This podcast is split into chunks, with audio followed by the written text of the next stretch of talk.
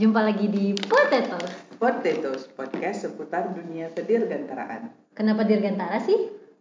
Ya Pengen pengen aja masa nggak boleh. Salah. Oke.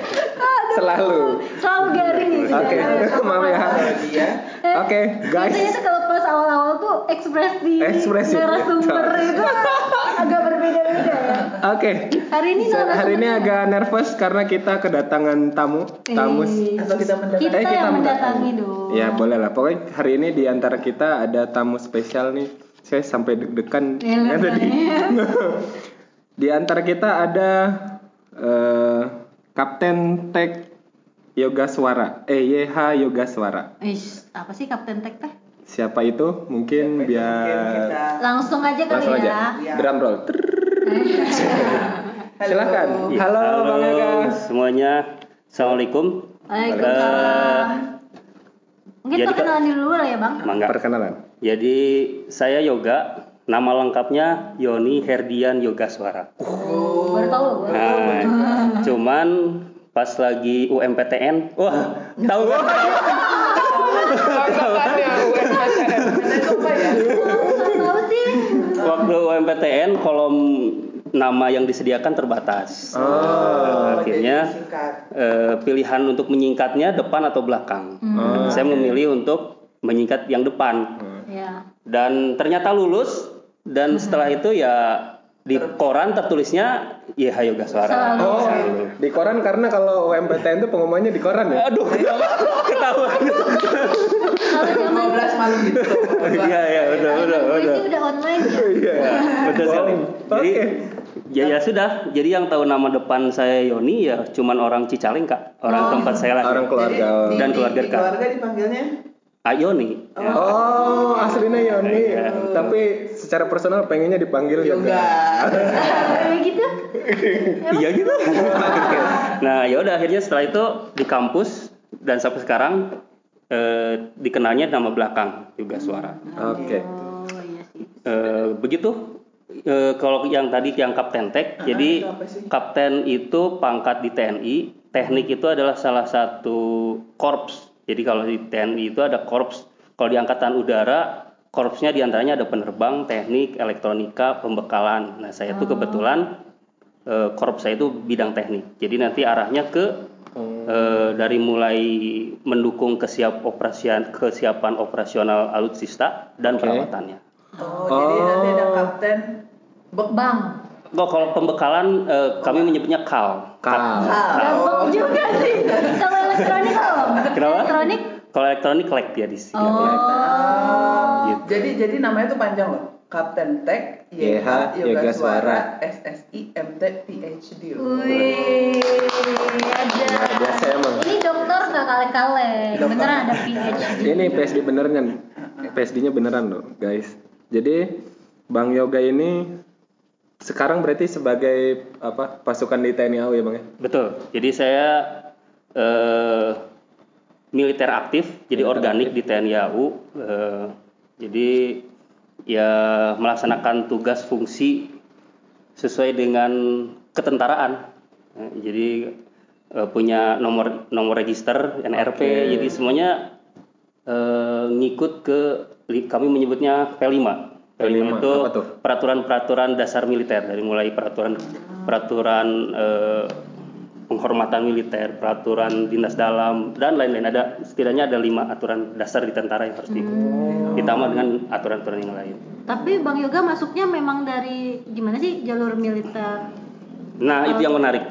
Jadi saya dulu kuliah dulu. Jadi kuliah dulu. Kuliah dulu. Eh, kul- kuliah dulu. Yang tadi yang saya ceritakan tentang UMPTN itu Oke. masuk Iya. ke kampus. Eh, kemudian kuliah. Ya udah menikmati perkuliahan di kampus sampai dengan lulus. Bagaimana sipil? Kayak ya rambut gondrong gitu ya. Wah, jadi pengen lihat nih rambut bang. ya standar lah kayak gitu.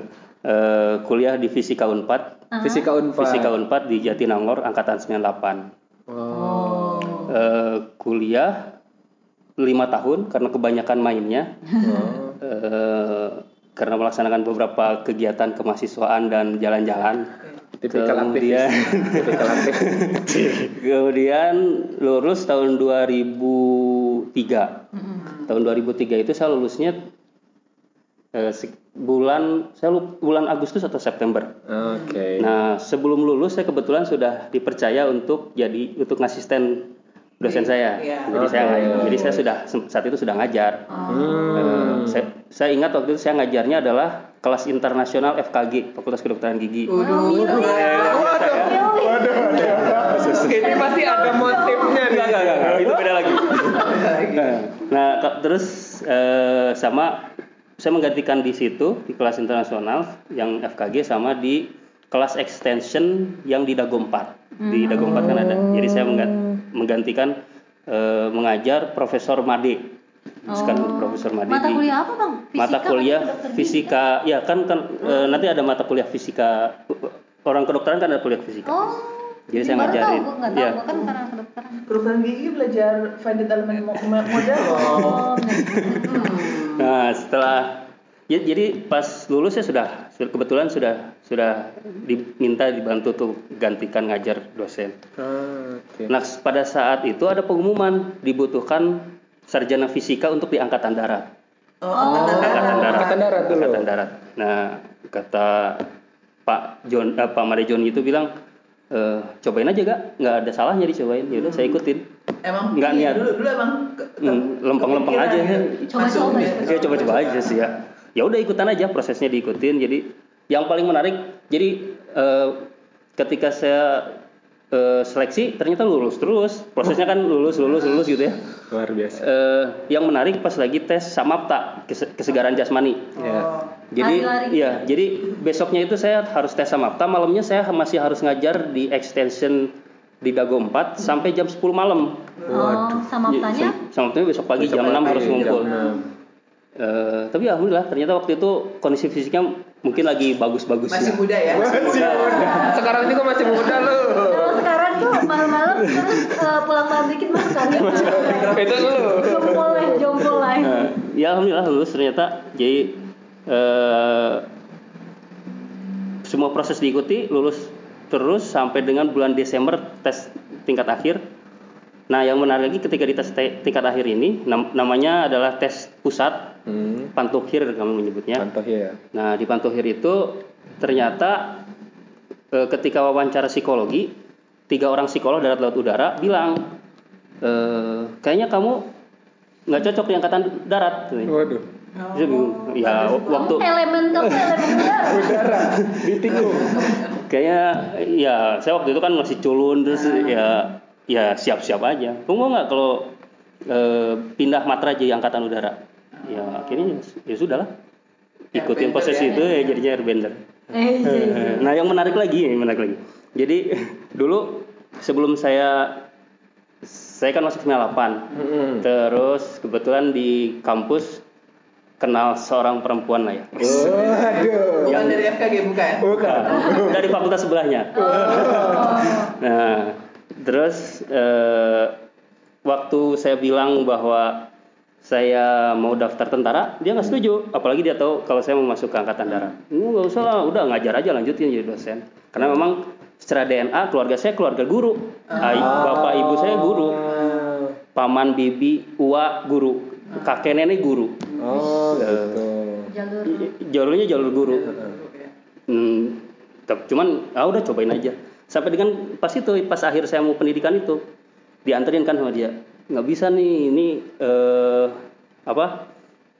Ini satu jalur mau, mau diambil atau enggak gitu. ya udah akhirnya Ini udah udah kayak pilihan hidup. Iya pilihan, Pilihan hidup ya, pilihan, ya. pilihan nih ambil atau tidak.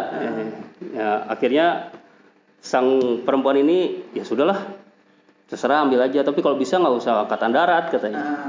Ah. Ya kenapa? Ya angkatan udara aja. Kenapa? Ya bajunya lebih gaya aja.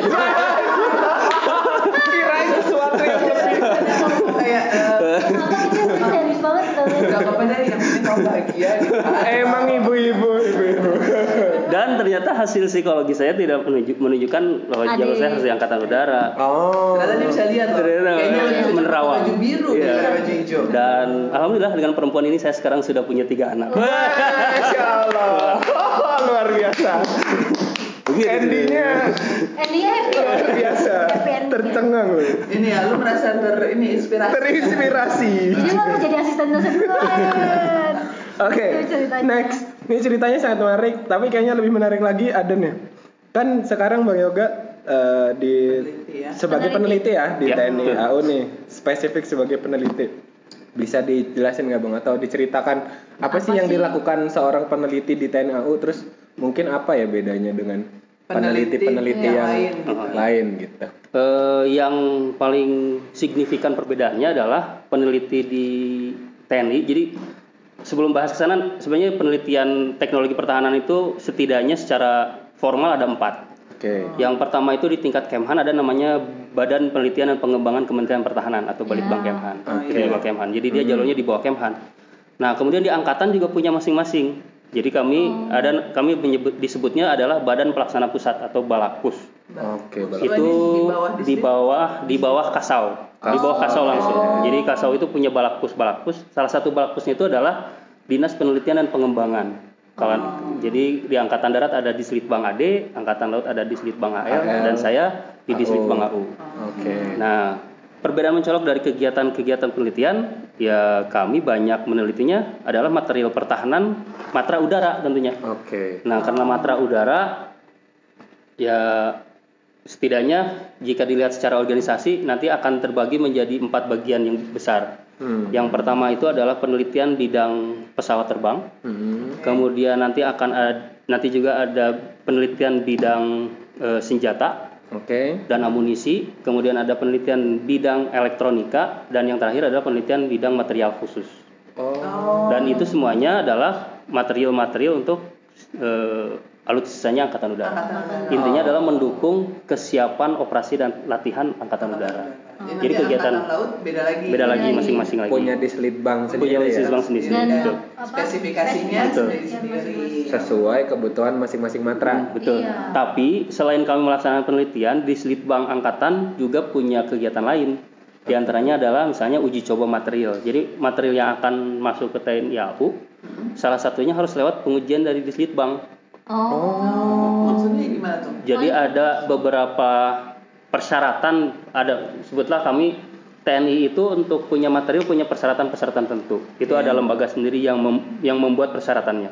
Kami menyebut di antaranya adalah di asisten kasau bidang eh, perencanaan. Jadi mereka di sana pejabat-pejabat di sana membuat daftar bahwa kalau misalnya kita alutsista A maka eh, persyaratannya adalah 1 2 3 4. Nah, ketika itu ditawarkan ke TNI AU, eh, maka Dislitbang AU memiliki hak dan kewajiban untuk mengkonfirmasi si material itu apakah sesuai dengan spesifikasi tersebut atau tidak. Quality check gitu ya?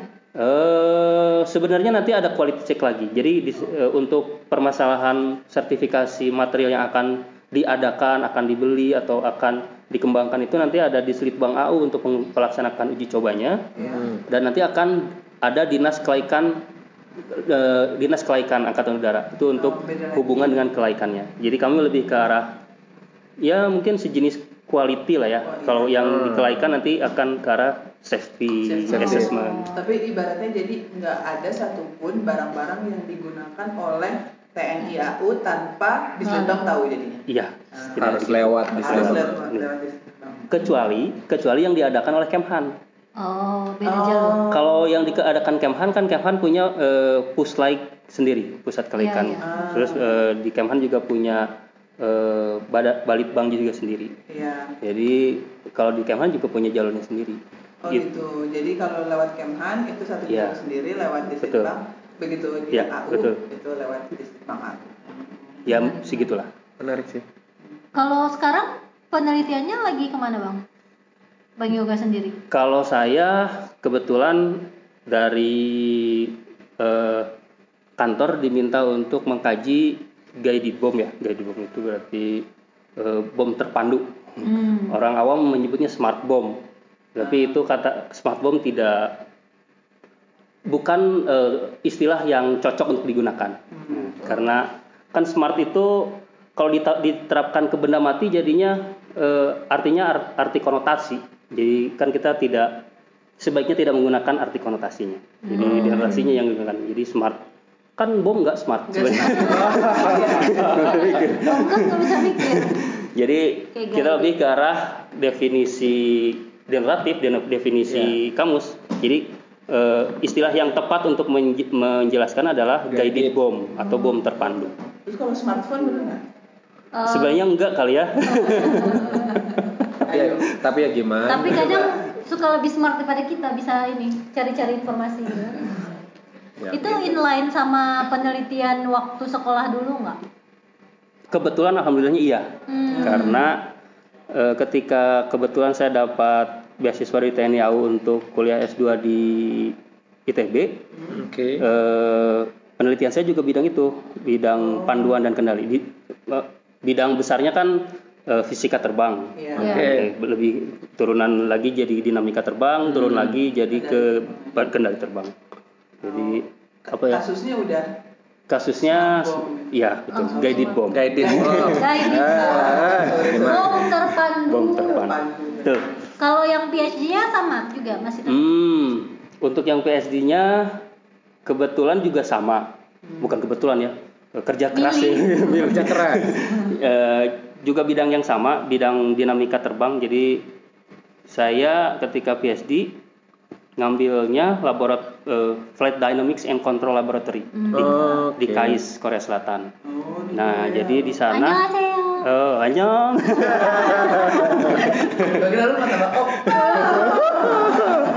Jadi ya di sana juga ngambilnya tetap ke dinamika terbang dan kendali. Oh, Nah, keren ya. cuman eh, kalau di ITB saya ngambil materinya bom, ketika di Korea saya ngambilnya eh, lebih ke arah misil. Misil. Misil. apa bedanya misil Ah, tuh. sama bom? Nah, itu berdasarkan definisi. Oh.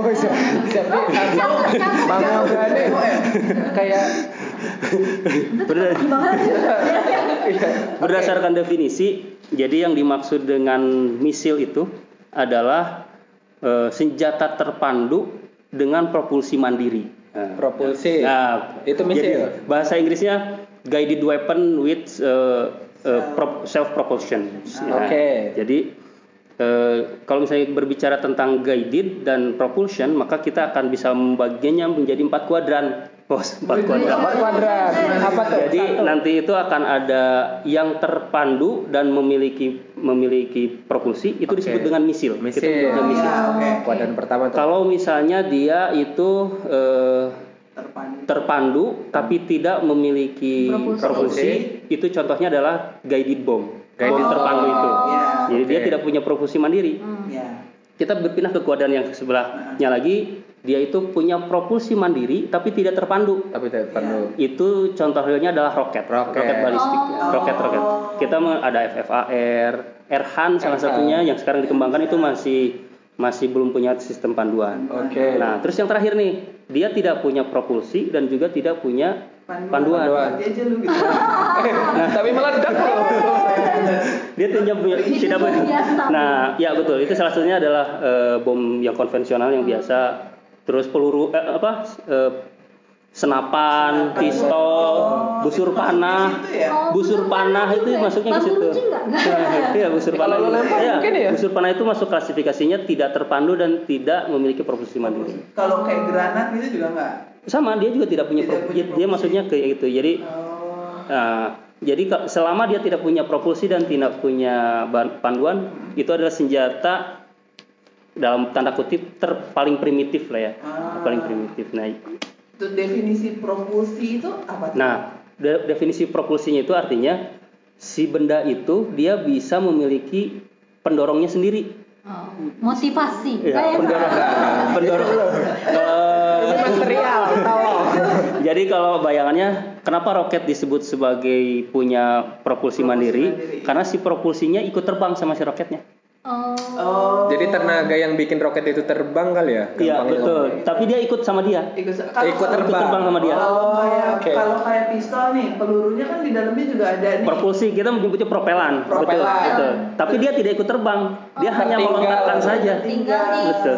alat Ya, pencurnya ketika dia ya. terbakar, makanya dia disebut mempropel. Makanya disebut propelan. Dia propelling, jadi melemparkan. melemparkan oh, si dari situ. itunya melemparkan si baletnya. Itulah kenapa dia dianggap tidak memiliki propulsi mandiri. Propulsi Kalau mandiri. propulsi dia harus ikut terbang. Ibaratnya kalau ini bisa bisa nggak sih disebut kayak mesinnya gitu nempel Iya, betul, gitu ya. betul sekali. Jadi barang-barang yang dengan propulsi mandiri itu pasti akan lebih mahal dong. Betul. Oh, jelas. Jelas. Dan berarti misil ini kan ada di kuadran yang dia berpropulsi dan dia guided. Iya. Artinya ini yang paling canggih dong ya. Iya, Di antara betul. itu. Di antara yang ya. lain. State of the art-nya senjata itu ada di situ. Oh. Gini, setak, Eh, setak. Ini ya istilahnya tuh state of the State of the art. art. Senjata. Luar biasa. Iya, State of the art weapon itu ya ada di situ. Ada di situ. Eh, tetapi eh, tet- ini eh, mungkin untuk di Indonesia iya eh, state of the art weapon itu ada di situ ada di Misil. kayak di- Misil. ada di misil. Cuman sebenarnya sekarang state of the artnya itu baru awal tahun ini. Heeh. Kalau di Amerika state of the art senjata itu sudah ber- beralih ke bahasa Indonesia saya nggak ngerti tapi bahasa Inggrisnya adalah directed energy weapon. Yang Direct. langsung Iya betul sekali. gitu ya. Iya jadi eh, Star state of the artnya state of the artnya senjata sekarang itu ke arah laser. Oh, ke iya. arah laser. Bukan laser yang buat di itu ya. Yang Jadi- gitu.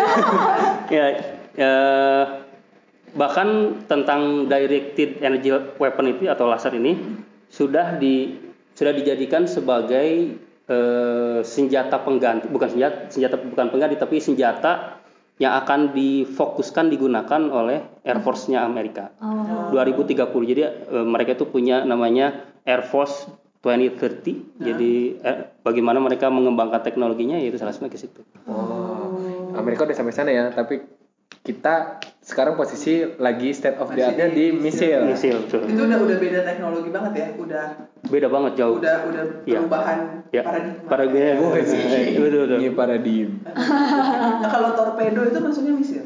Eh, torpedo itu termasuk ke dalam misil kenapa karena oh sebentar dulu si torpedo itu sebenarnya kan ada ada torpedo yang guided ada juga torpedo yang Unguided. Oh, nah gitu. jadi tergantung kalau misalnya torpedo itu punya sistem panduan atau guidance ya berarti dia secara kalau dilihat secara definisi dia maksudnya ke misil Misil. tapi misil bawah permukaan laut Oh. Misil sendiri ada apa kategori-kategori atau tipe-tipenya gitu Ya nggak sih? banyak.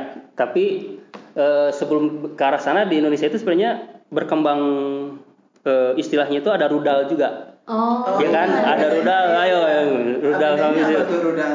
Sebenarnya kalau misalnya mengacunya ke eh, kamus besar bahasa Indonesia. Oh, Waduh. Anaknya KBBI. Anaknya KBBI banget. Eh, jadi sebenarnya di kamus jadi kan eh, istilah utama misil itu dari bahasa Inggris, missile, missile. Missile. Nah, Oke. Kemudian ketika berusaha untuk dibahasa Indonesia kan ada dua pilihan nih. Karena di kamus besar bahasa Indonesia itu ada dua pilihan. Yang pertama itu misil, M I S I L, misil. Misil. Eh, itu didefinisikan sebagai benda yang dilemparkan. Bisa batu, peluru Oh. ke arah sasaran itu adalah misil. Ketapel gimana? Itu eh, saya nggak tahu itu itu adalah definisi dalam yang- KB, ya, dalam KBBI. KBBI. Kemudian yang kedua adalah rudal. Rudal. itu tidak ada definisinya, tapi hanya disebut sebagai akronim dari peluru kendali. Oh. Oh. Rudal. Iya, peluru. Astaga. Benar. Nah, Berpuluh-puluh hidup tahun hidup ya baru tahu sekarang peluru kendali catat netizen. cuman masalahnya eh, buat kita yang akadem yang yang menganalisisnya secara akademik, eh, istilah rudal kurang bisa diterima. Oh. Kenapa? Karena eh, ketika kita berbicara tentang misil, karakteristik misil itu tidak seperti karakteristik peluru Hmm. Iya iya iya. dan tanda kutip kecerdasan. Kecerdasan misil itu bukan berbasis dari sistem kendali, Hmm. tapi berbasis dari sistem panduannya. Oh gitu. Itu tunggu tunggu. Bedanya sistem kendali sama sistem panduan apa? Oh iya iya. Nah, ini beda lagi. Bang. Waduh, banyak nih Banyak banget. Kali itu. Belajar, ini belajar, belajar. Nah, jadi eh, kembali ke tadi sebenarnya kenapa tidak cocok di menggunakan istilah rudal? Karena yang pertama dia tidak memiliki karakteristik sebagai peluru. Peluru ya. Yang kedua dia itu eh, kecerdasannya bukan berbasis kendali tapi berbasis Guidance. guidance. Jadi Guidance. kalaupun misalnya ingin memaksakan pakai peluru, harusnya peluru berpandu, terpandu, Ter- ah, bukan peluru kendali. Iya, iya. Nah, Oke. Karena makin umek, makin nggak jelas, maka lebih baik menggunakan istilah dalam kamus besar yang satunya lagi yaitu misil. Oh. Nah, Oke. Terus emang penting ya membedakan antara panduan dan kendali? Ya penting banget karena ketika kita bicara tentang panduan dan kendali akan ada satu lagi istilah yang nam- namanya navigasi. Oke. Ada apa lagi itu? Oke oke oke. Nah, jadi kalau misalnya eh, panduan, panduan itu art- artinya adalah sebuah cara bagaimana untuk dalam bahasa sederhananya mencip- menciptakan rute dari titik A ke titik B. Oke. Menciptakan rute. Oke. Makanya itulah yang saya sebut dengan kecerdasan. Ah, Karena dia menciptakan rute. Iya iya iya. iya. Ke- navigasi adalah suatu cara bagaimana untuk mengetahui posisi dirinya ter- relatif terhadap Suatu suatu environment atau titik acuan tertentu. Oke. Ya. Dan kendali adalah suatu cara de- untuk eh, suatu cara di antaranya mengubah besaran gaya, Oh, itu. mengubah besaran gaya supaya si benda tersebut mengikuti rute yang sudah dibuat yang sudah di panduan. Oh. Jadi kalau sederhananya, kalau misalnya ada misil dari titik A ke titik B, maka si panduan akan menciptakan rutenya. Iya. Kemudian navigasi, baik itu menggunakan navigasi satelit, baik menggunakan sensor sensor tertentu, Iya. dia akan mengetahui posisi dia relatif terhadap sasaran. Ya. Betul. Nah. Nah, kemudian si kendali, maka si kendali itu akan memberikan eh, memberikan perubahan-perubahan gaya, Hmm. bagaimana caranya supaya si misil itu ngikutin rute tersebut. Nah, makanya kita mengenal dengan bidang kendali. Jadi Oh, ketika kita oke. bicara kendali, seberapa besar defleksi eh, bidang kendalinya, se- Hmm. kalau di kendaraannya seberapa besar sih kita harus muterin setir supaya si bannya belok. Bisa, gitu. iya, Nah, itu kendali. Makanya si kendali itu oh, posisinya berada di bawah sistem panduan. Oh. Karena sistem panduan lah yang menyatakan dia itu cerdas atau tidak. Atau tidak. Jadi ibaratnya nih kalau kita naik mobil mau ke Jakarta, eh, kendali itu yang nentu eh enggak, tadi apa? Navigasi. Navigasi. Navigasi. Apa pertama, Bang? Panduan dulu. Panduan. Panduan itu GPS misalnya ya, ngasih rute yang ini paling cepat. Ya, Kayak gitu betul. kan. Kecerdasan di situ. Kecerdasan di Kecerdasan situ di ya, situ. karena sebenarnya ada banyak rute. Iya. Iya. Kemudian eh, si Navigasi. tadi apa navigasi itu ngasih tahu ini poin birunya Iya, kita sedang di di mana. posisi Kita di sini. Iya, terkendali itu sebenarnya gimana kamu belok Belokinnya ke mana? Ya, ya. Betul. Ikutin si eh, guidance guidance itu tadi. tadi. Oh, Begitu. Jadi kalau bicara tentang misil ya tiga itu yang penting. Panduan, navigasi, dan kendali. Ah. Emang Oh, itu gitu. ya runs in family kayaknya udah kayak dosen. Iya, iya. Iya. Alasannya tuh Banget, banget. Kuliah loh ini satu Tapi menarik loh, berarti kita bisa bilang misil itu kecerdasannya bisa sampai benar-benar sesuai akan mencapai titik yang kita tentukan lewat apa? Dengan Iya, parameter-parameter iya. tadi ya. Betul. Nah, boleh nggak nanya gini? Kan kalau misalnya tadi tuh, kalau misalnya kita biasa lah, kita pasti biasa pakai Google Maps ya. Ya. Ya.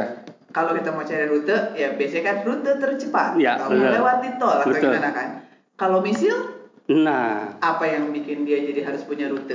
jadi kalau dalam misil panduan itu kan ada beberapa macam dari mulai panduan ya panduannya intinya bagaimana si dalam tanda kutip rute itu yang paling optimal. Hmm. Yang optimal itu berarti untuk menghancurkan sasaran dan lain-lain. Hmm. Hmm. Nah, di laboratorium saya waktu di Korea sana, laboratorium kami itu adalah salah satu laboratorium yang mengembangkan eh, panduan optimal.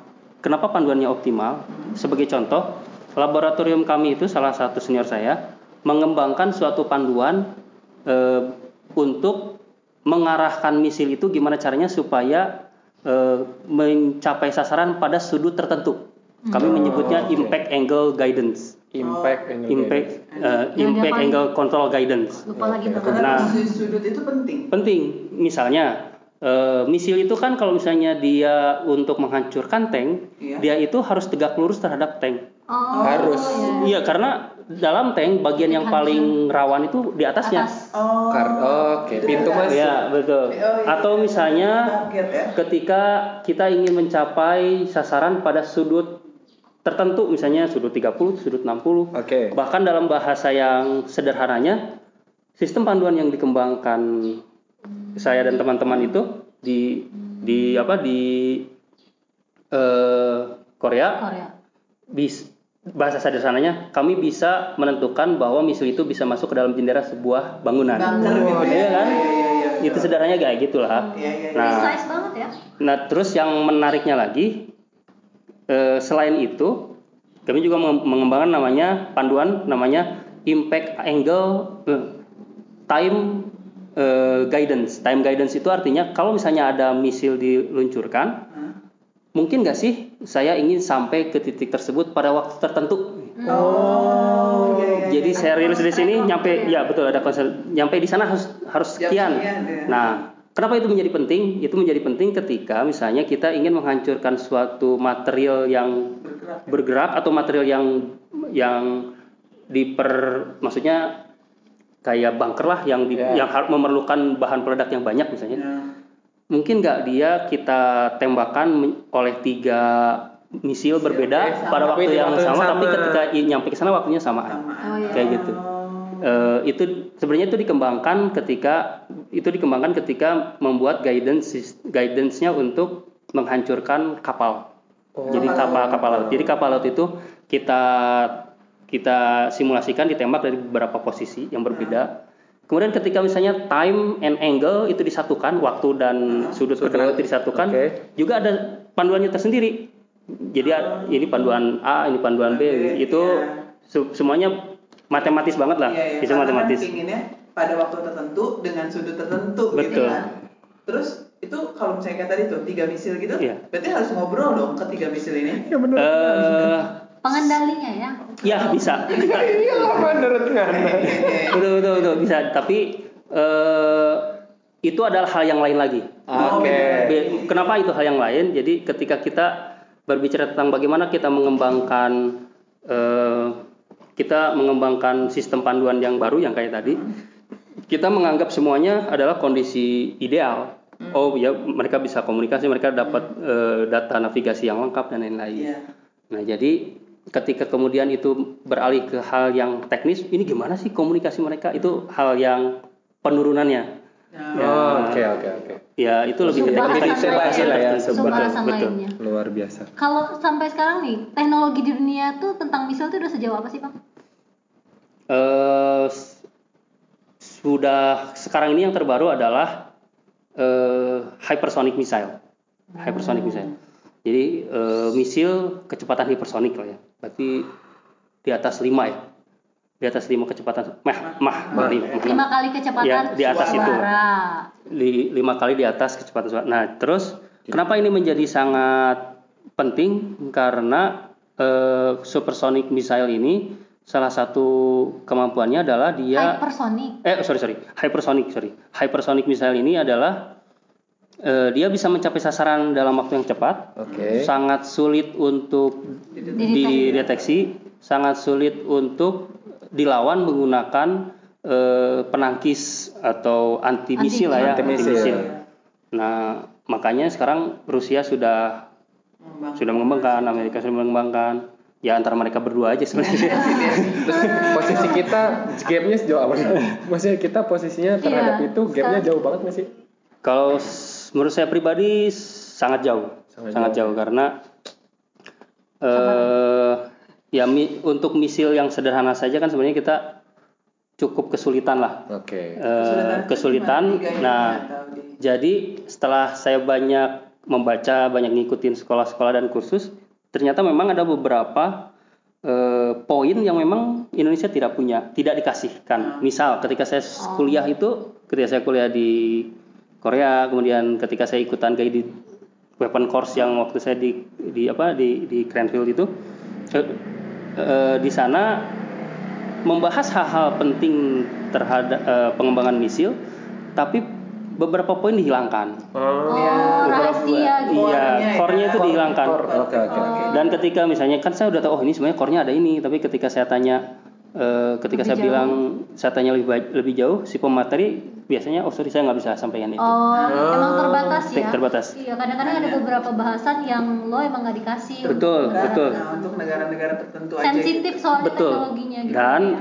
eh, itu bukan cuman ketika saya ikutan eh, sekolah, bahkan ketika saya lagi riset pun, kan tem- saya punya ini, saya punya eh, teman laboratorium lah ya, labmate orang Korea, dia lagi ngembangin misil.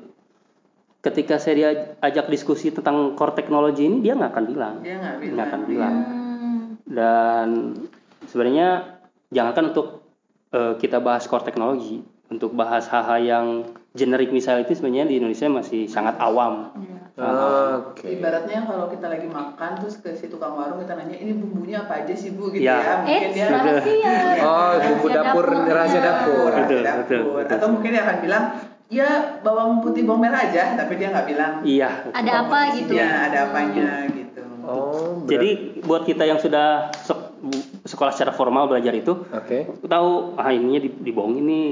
Iya. Oh, bagian ininya Ah, di Ini ditutupin. jadi ketahuan ya. Atau dikasih sesuatu yang general banget. Iya, betul. Iya, betul. jadi lo nggak tahu Jadi berarti banget. kalau memang kita ingin menguasai teknologi itu, kita harus melakukan penelitian sendiri gitu ya. Hmm, iya. Tapi kalau misalnya dalam kondisi kayak gini, waktunya akan sangat panjang. Panjang. Panjang. Effortnya banget. juga pasti mahal. Mahal banget. Iya. Dan agak terbikin seperti ini nggak sih kita reinventing the wheel gitu. Iya, betul. yang Sudah ada. Iya, kan, benar, luar benar. sana, gitu. Jadi sebenarnya kalaupun misalnya Indonesia ingin benar-benar Mandiri. meng- mandiri, ya saya menyebutnya bukan, saya menyebutnya sebagai eh, negara mitra. Negara mitra. Oh, Oke. Jadi kenapa harus ada negara mitra? Jadi negara mitra ini adalah negara yang memang sudah sudah punya kemampuan untuk mengembangkan mandiri. Ya nggak usah bilang Amerika dan dan Rusia karena itu kan sulit sekali ke sana. Tapi Ya. setidaknya ada negara-negara di bawah itu yang memang sudah punya kompetensi itu. ke situ. Dan ternyata itu tuh ternyata data itu rahasia. Ah. Jadi data itu juga ternyata rahasia. Negara-negara yang sudah punya kompetensi itu juga Oh, itu rahasia. rahasia. Iya betul itu Jadi rahasia. kita nggak tahu siapa. Saya aja. tuh baru tahu ketika kemarin saya ikutan yang eh, yang missile course dari Kongsberg gitu. Jadi kan salah satu pematerinya eh, Freeman, Eugene Freeman. Dia itu yang menulis buku Missile Design and System Engineering. Nah, Jadi ketika saya tanya eh, negara-negara itu, dia bilang, aduh saya nggak bisa bilang katanya. Terus akhirnya ketika kami lagi makan, saya coba pendekatan, akhirnya dia bilang negara ini, negara ini, negara ini. Jadi kalau misalnya kamu ingin mengembangkan misil tanpa Amerika atau Rusia, ke sini saya sarankan ke ini, ini, ini, ini. Oh, oh, oke. North Korea tuh. Nggak balik lagi mantan. Begitu ceritanya. Di Indonesia yang bikin misil siapa aja? Cuman di TNI AU aja atau gimana? Enggak, eh, TNI AU belum punya kemampuan. Tapi kalau secara kelembagaan, secara kelembagaan eh, PTDI adalah lembaga yang sudah disahkan, saya kurang tahu itu disahkan oleh surat apa, sebagai integrator pengembangan misil. Oh, Jadi kalau misalnya kita ingin mengembangkan misil, mau bagaimanapun caranya ujung-ujungnya pasti akan ke PTDI.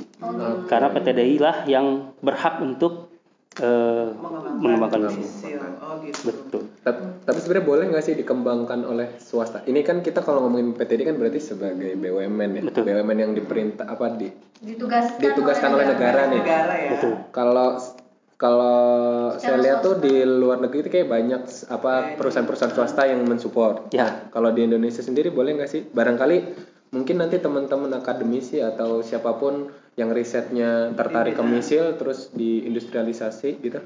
Hmm, sebenarnya bisa saja. Cuman kalau menurut pribadi saya sih buang-buang waktu dan anggaran. Karena ya sayang banget. Bukan buat komersil juga. Betul. Oh, iya betul sih, ya, banget. iya. Pertahanan Ya, harus ya. Pertahanan negara ya. Jadi Dan memang tuh emang hanya untuk pertahanan ya? Bis? Iya, betul. Nggak bisa Nggak bisa, bisa. ya? kalau misalnya kita lagi ngembangin misil, constraint-nya kan cukup berat. Kenapa? Kita harus bikin sebuah senjata yang bisa disimpan dalam waktu yang cukup lama, tapi ketika digunakan dia harus benar-benar eh, bagus, Performanya. performanya bagus, dan ketika sampai ke sasaran dia harus hancur. Oh, iya. Jadi ketika banget sih. Iya, jadi memang eh, one way ticket, tiket Iya, satu iya. jalan. Jadi memang kalau misalnya kita ingin mengembangkan misil ya pilihannya eh, lebih baik eh, ke negara saja, negara yang memang Sudah sudah sudah memiliki itu. Jadi kalau misalnya ada lembaga yang ingin mengembangkan ya palingan analisis-analisis di tataran eh, Tataran perancangan lah ya, desain. perancangan desain. Tapi kalau misalnya sampai ke pengembangan, wah effortnya sangat Kayaknya besar. effortnya besar banget ya. Mending nggak usah. Kalau kalau ke arah guidance-nya Kalau ke- termasuk ke arah guidance-nya kan, itu satu ini kan ya, satu ilmu sendiri satu ya. ilmu tersendiri, ini ya, betul. guidance-nya. ya, jadi ya butuh butuh effort yang banyak untuk di situ dan butuh yang memang fokus di situ penelitiannya. Oh, Ibaratnya tuh lu tuh menciptakan sesuatu untuk dihancurkan gitu. ya. Betul. Oke. Kayaknya Gila, gila, menarik gila, banget ya gila. dan Iya. masih akan panjang Masih akan panjang sebenarnya. kalau dihabisin. Iya. Dan nggak akan habisin. Kayaknya mungkin cukup dulu sekian. Iya, Iya, ini mungkin ini- ya, gambaran-gambaran tentang tentang misil, Misil. terus Dan peneliti bahwa ternyata. TNI AU juga punya balitbang, mungkin banyak yang belum tahu dan Iya. Mungkin terakhir bang, barangkali ada teman-teman juga yang terinspirasi sama Bang Yoga. ya kan tadinya nggak ke- nggak kebayang akhirnya di AU segala macam.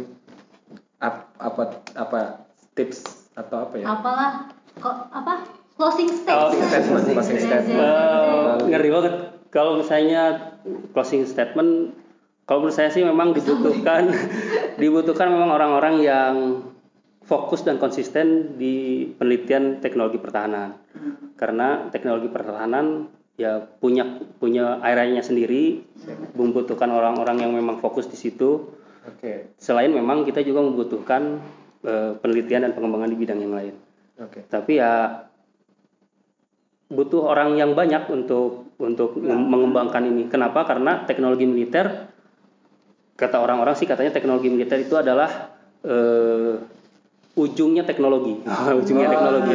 iya, Ya state of the art tadi. Of the Jadi eh, teknologi militer ya harus benar-benar mumpuni. Eh, Kalau nggak kalau nggak ya bagaimana mungkin kita punya sistem senjata yang dapat diandalkan kalau pengembangannya juga tidak dian- tidak bisa diandalkan. tidak maksimum Tidak ya. maksimal betul Oke, sekali. siap Oke. luar biasa. luar Jadi biasa barang- Oke. terima kasih banyak Sama-sama. Sama-sama. Ya. Ya, makasih banget. Barangkali nanti teman-teman bisa terinspirasi Iya, dari apa yang misalnya ada ceritanya terus Yoga. gitu pingin nanya-nanya apa gitu ya. Boleh. Nanti kita kasih Nanti- kontaknya.